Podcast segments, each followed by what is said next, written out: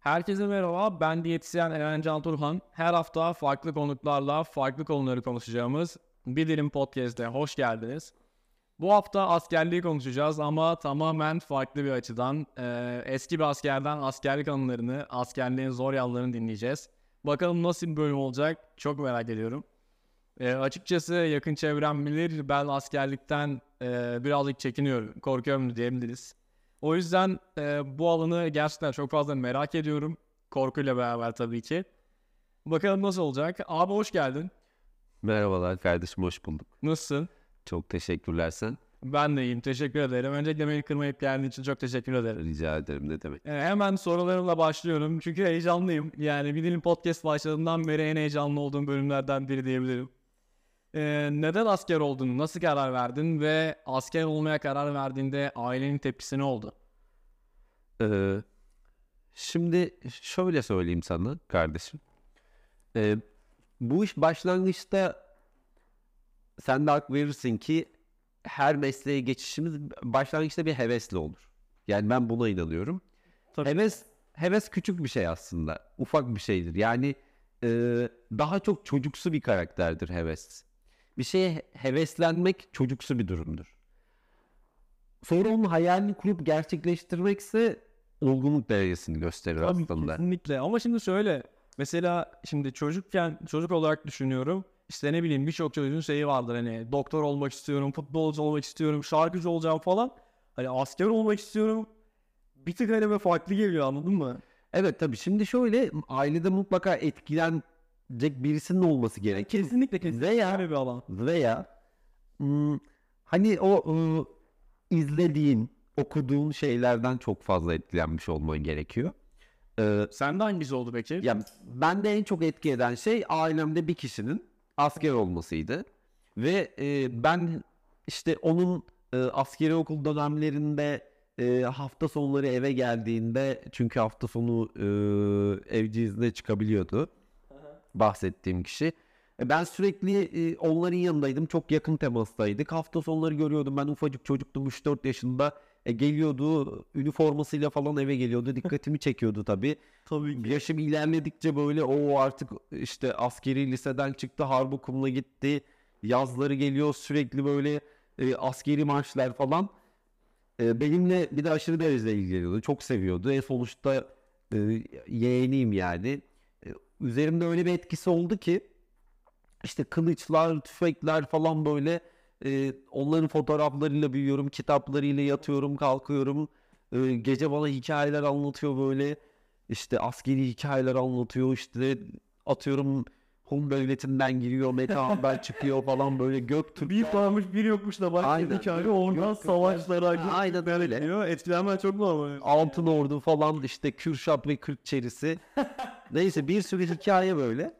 Bu hikayeler eşliğinde büyüyorsun tabii ki. Selçuklular, Osmanlılar, Yeniçeriler, Akıncılar falan derken e, bilinç altında birçok şey oluşuyor. E, bunlar hevesle başlıyor dediğim gibi. Daha sonra sen büyüdükçe olgunlaşmaya başlıyor. Tabii ki. Olgunlaştıkça da aslında senin hayalin olmaya başlıyor. Bir yerden sonra yapabildiğin Evet. gibi dönüyor aslında. Yani mesela bu heves ve hayalle ilgili e, çok güzel bir söz var. Küçüklerin hevesleri, büyüklerin hayalleri vardır. E, hatta bu sözün devamında da Fatih Sultan Mehmet bizim kudretimizin ulaştığı yere onların hayalleri bile ulaşamadı demişti. E, şimdi buna baktığımda aslında köklerimizde nelerin var olduğunu işte e, Türklerin e, daha doğrusu Türklüğün değerleri arasında bu askerliğin ne kadar kıymetli olduğunu anlamaya başlıyorsun bir noktadan sonra. O da seni çekiyor. Yavaş yavaş çekiyor ve içine alıyor. E, inanılmaz şekilde bağlanmaya başlıyorsun. Çünkü öncelikle buna meslek olarak bakmıyorsun. Yani bu bir yaşam şekli. E, tamamen hayatını değiştirecek bir şey. Hmm, yani diğer diğer mesleklerden farkını söyleyeyim. Bence şöyle çok fazla disiplin gerektiren bir meslek aslında. Evet. Yani sürekli işte atıyorum sabah 5'te uyan işte hadi bizde mesela sürekli şey var ya koğuş kalk işte sabah 6 falan hani olayları var ya bence o disiplini herkes e, uygulayamaz yani. Yani bunun öncesinde de muhteşem bir eğitim süreci olmalı. Kesinlikle. Bu- Bunu tamamlayabilmen için. Ee, bu yola girmeye de böyle hani karar verdim diyebilirim aslında. Ee, küçükken hatta dayımların marangozu falan vardı. Böyle kılıçlar, baltalar, tüfekler, silahlar falan. Tabii sen bayağı bu işin içinde büyüdüğün için etkilenip de Evet, çok etkiledi Çok beni. normal yani. Ee, yani hani benim dışımda diğer bireyleri de tabii ki bu şekilde ya ailesinden bir kişi, babası, annesi, dayısı neyse işte yani herhangi birisinin asker olması veya işte küçükken bir şeyi izlerken atıyorum çizgi film bile olabilir yani. Ufacık bir şey o, o küçücük beynin bir noktasından girdiyse eğer yani o zehri kana aldıysa Aynen öyle. o noktadan sonra çok fazla Peki- açıkçası geri dönüyor. Ailenin tepkisi ne oldu? Şöyle söyleyeyim. eee, annem de babam da tabii ki çok değer veriyorlar ve çok istiyorlardı. Ama bir yandan Ee, da bir korku var işlerinde ister istemez. Evet. Annem istemesine rağmen gitmememi de istiyordu. Doğal olarak. Evet. Doğal olarak. Her annenin tepkisidir diyebilirim aslında. Ya- Eee, ortalama.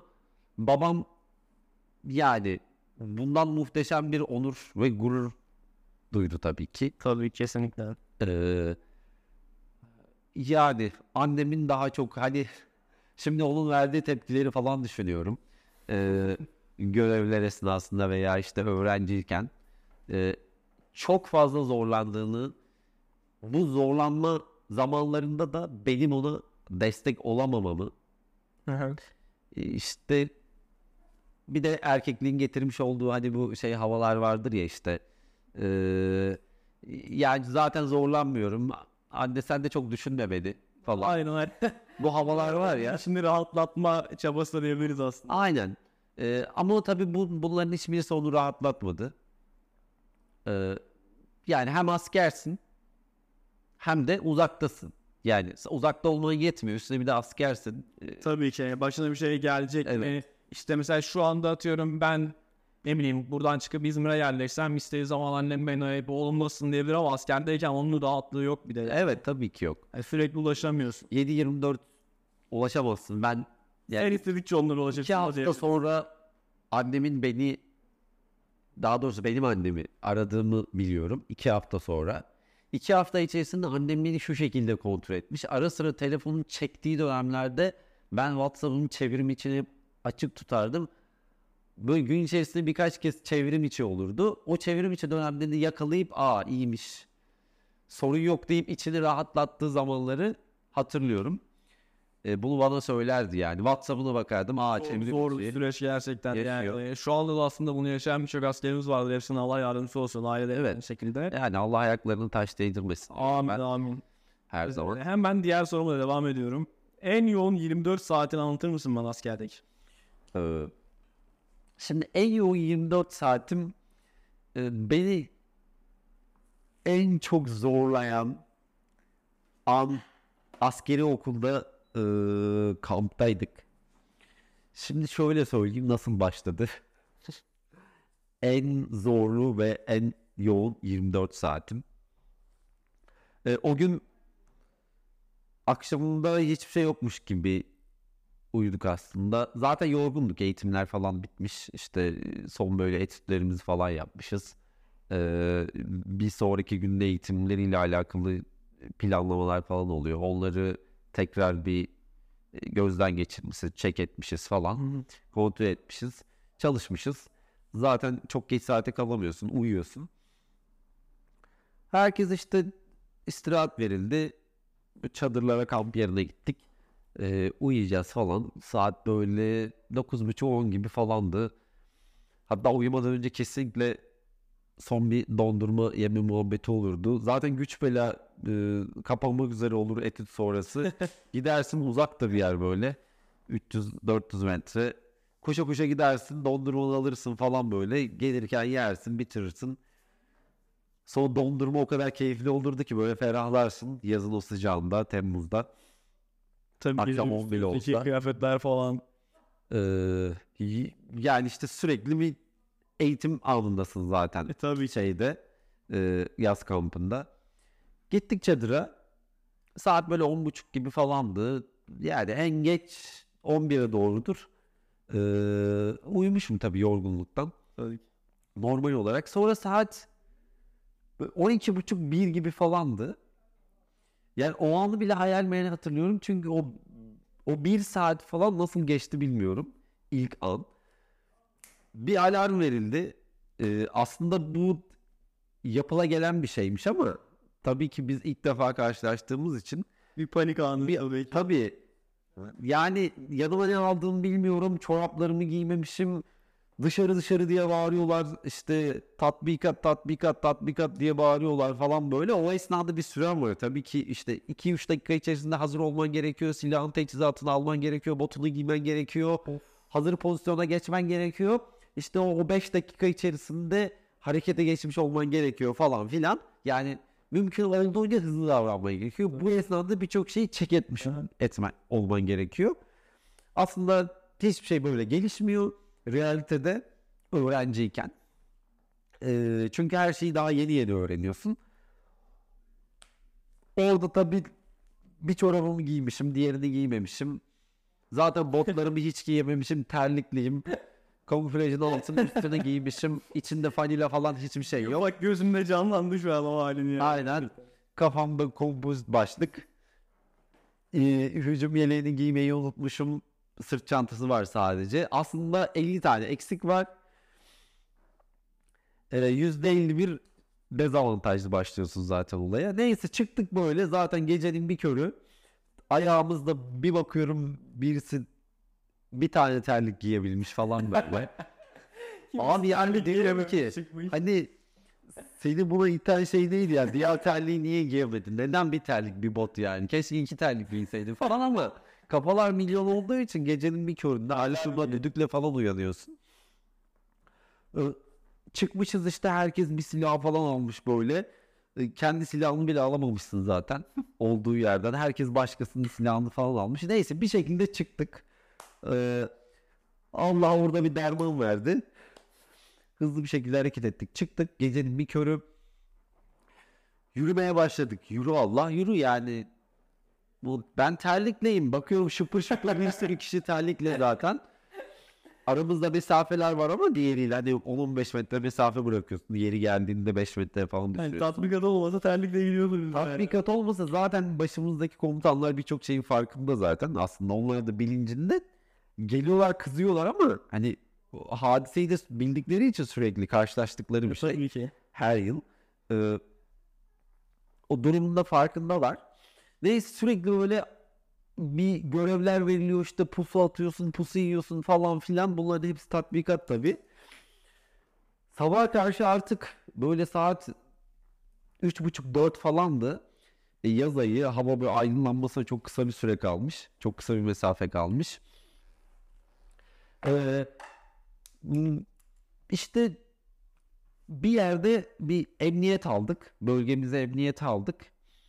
Sonra orada abi yaklaşık iki dakika bile olmamıştır. İki, de, iki dakika içerisinde uyudum. Nasıl ya? Öyle bir uyumuşum ki yani sana şöyle söyleyeyim. Bulunduğumuz yerde yaklaşık 3 saat falan kalmışız. Aha. Ben 3. saatin sonunda uyandım. Yorgunluktan. Bayağı böyle yani. Hiçbir şey ya- saatlik. Hiçbir şeyi hatırlamıyorum. yani bana hani sürekli şunu yaptık bunu yaptık falan diyorlar. Ben hiçbirini Ama yapmamışım. sende hiçbir şey yok tabii. Allah'tan bölgeyi falan terk etmemişiz. Tabii ki. Sonra ertesi gün kalktık tabii ben 3 saat bile olsa uykumu almamışım. Hı hı. Kalktık çadırlara geldik. Kıyafetlerimizi tam olarak giydik. Dışarıya çıktık. Eğitime eee, eğitim bölgesine gidiyoruz. Kimsede su yok. Bir tane su pompasının olduğu bir yer var böyle arazinin içerisinde. Su kuyusu var. O su, ku- su kuyusunun yanından geçerken bir mataraya bir kişiyi gönderdik komutan görmeden. Çünkü izin vermiyordu. Bir kişiyi gönderdik mataranın içerisinde su doldurdu. Yine arkadaş da cesaretliymiş. Beni orada etkileyen bir şey olmuştu. Biz 23 kişiydik. Matara bir matara Hı. yani şöyle düşün. Bir buçuk litre falan Okey. bile yoktur. Aha. O civarda. Matara baştan birinci kişiden bana geldi. Belki 15. 16. Hı. 20. idi bilmiyorum. Ben suyu içtim. Sonra Matara ikinci tura atmış. Bana o su bir daha geldi ve içinde hala su vardı. Orada arkadaşlığın ne kadar önemli bir şey olduğunu gördüm. Ee, Askerlik beni çok etkilemişti. aslında. Herkes minicik bir yudum içmiş. Arkadaşlığı kalsın diye. Kimse aç gözlük yapmamış. Bu benim duygularımı tabii birazcık daha böyle pekiştirdi diyeyim sana aslında. Beni daha fazla bağladı. Ee, yani sonra o gün zaten akşam eğitimden geldiğimizde tamamen suyumuz çıkmıştı. Tepelere in çık falan koş, taarruz yap in falan. Yoğun bir tempo gerçekten. Muhteşem bir geceydi. Muhteşem bir gündü. Bittiğinde çadırlara geldik ve yani bayıldım. O 10 saat falan uyumuşumdur. Müsaade etmişler. Ama senin bir şansın var. Orada sen bir 3 saatlik bir uyumuşsun yani. Orada bir ufak bir şansın var yani. Evet tabii orada Orada hiç uyumayan var vardı. kaçamak yapmıştım. Ya burada şey oluyor. Bir komutanımız vardı şey derdi bize. e, yani bayağı de bir komutan. İsim ve rütbe vermeyeyim şimdi ama. Boş ver abi. Asker her bulduğu boşlukta dinlemek için uyur demişti. Ben onu değerlendirdim. Doğru. Şekerleme yapmışsın da diyebiliriz. Minik bir şekerleme yap. Şimdi söyle sonuçta askerlik dışında bir de bir sivil hayatın var. Sivil hayatla bağlantını işte bu inişli çıkışlı dönemlerini nasıl idare ettin? Anlatır mısın? Yani çok kolay bir süreç değil. Sonuçta ciddi bir disiplin içerisindesin askerken. Ama hani süreç ne kadar oluyor bilmiyorum tabii ki atıyorum bir ay iki ay. Sonra tekrardan bir sivil hayata dönüyorsun azıcık az bir süre için olsa da. Hani o aradaki dengeyi nasıl sağladın? Ya şimdi şöyle ben askerlik hayatımda da askerken de hep o disiplini e, içselleştirmeye çalışmıştım. E, bu tabii psikolojik olarak aslında seni e, mental olarak diğer insanlardan farklı kılan tarafları olmaya başlıyor zamanla. Mesela düzeni daha fazla e, içselleştirmişsin ve senin için önemli yani. Bir halının hani böyle şey hastalığı gibi e, bu bir hastalık gibi. İşte evindeki halı böyle çapraz duruyor. Bu çok gözüne batıyor. Sürekli bunu düzeltiyorsun falan böyle. E, yani bu tarz şeyler seni sivil hayatta zorlamaya başlıyor aslında. E, çünkü insanlar dışarıdaki insanlar sivil olan insanlar e, hayata ayak uydurmuşlar. Sense 6 ayda bir yani benim görev aralıklarımı söyleyeyim 6 ay gidiyordum. Atıyorum yurt dışına geliyordum Türkiye'ye 3 ay. E, ve neredeyse hiçbir sivil arkadaşı yok. Tamam asker yani çok az olsa da bir iki tane falan. E onlarla da görüşemiyorsun bile belki o 3 ay içerisinde. Yani onların da farklı bir işte. Evet. Sonra ailen yani onlar sonuçta sivil ve sen askersin. Yani kafa yapılarınız bir, bir noktada keskin bir şekilde ayrılıyor. Tabii ki. Ee, sen daha böyle şey düşünmeye başlıyorsun. Hmm, Daha işte hani ırkçı bir söylem olacak ama daha işte devletçi, Aha. daha bağlısın, daha daha Türkçüsün gibi Vatan, falan. millet. Daha millet, daha vatan. Ee, onlar işte olmasa da olur. Hı hı. Sen imkansız senin için böyle bir şey. Ya tabii. Öyle çok fazla ayr- ayrışıyorsun ama adapte de olman gerekiyor. E, adapte olmadığın zaman çünkü mutlu olamıyorsun. Bir yerde o mutluluğu da kaçırıyorsun. Bence en büyük eksikliklerimizden bir tanesi de bu.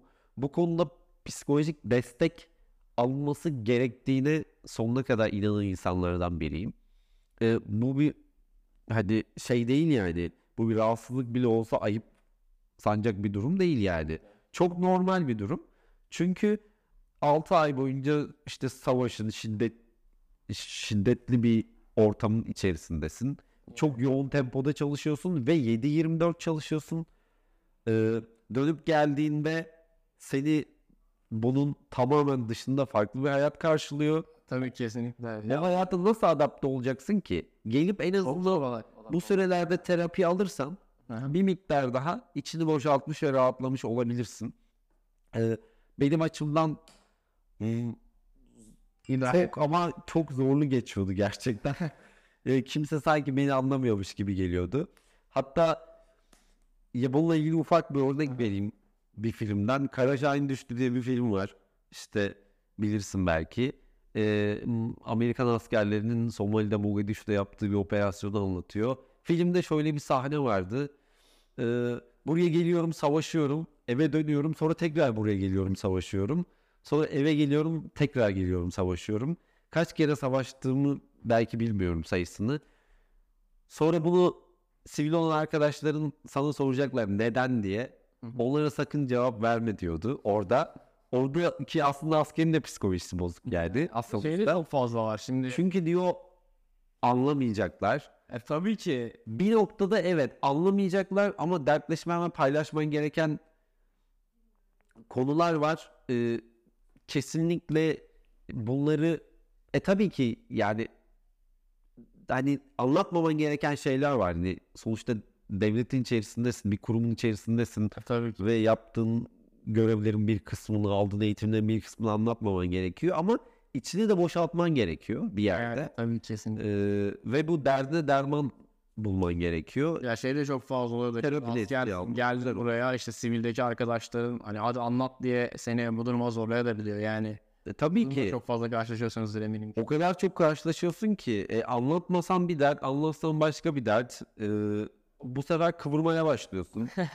yani E, mecbursun hani. sonra tabii karşındaki de hani gerizekalı değil yani. Kıvırdığını anlıyor. E yani Ya böyle bir şey gidip geliyor. değişik bir sirkülasyon yani. Yani karşıdaki insanların da bir nebze anlayışlı olması gerekiyor.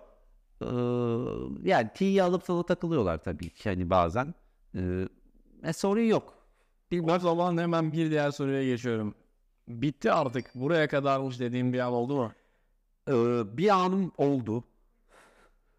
Ee, çok korkmuştum. Korkunun ecele faydası yok tabii ama. ya korkmamak diye bir kavram yok. Hani böyle bir şeye inanmıyorum açıkçası. İnsanoğlu korkar ve bu duyguya sahip olması gerekir. Çünkü korku seni e, bazı şeyleri yapmamaya veya yapmaya iter. Aynen diri tutar. E, enerjini yükseltir yeri geldiğinde korkman gerekiyor. Ee, yani çok detay vermeyeyim. Bir görevde çok yakın çalıştığımız bir ekiple ama onlar Türk askeri değiller.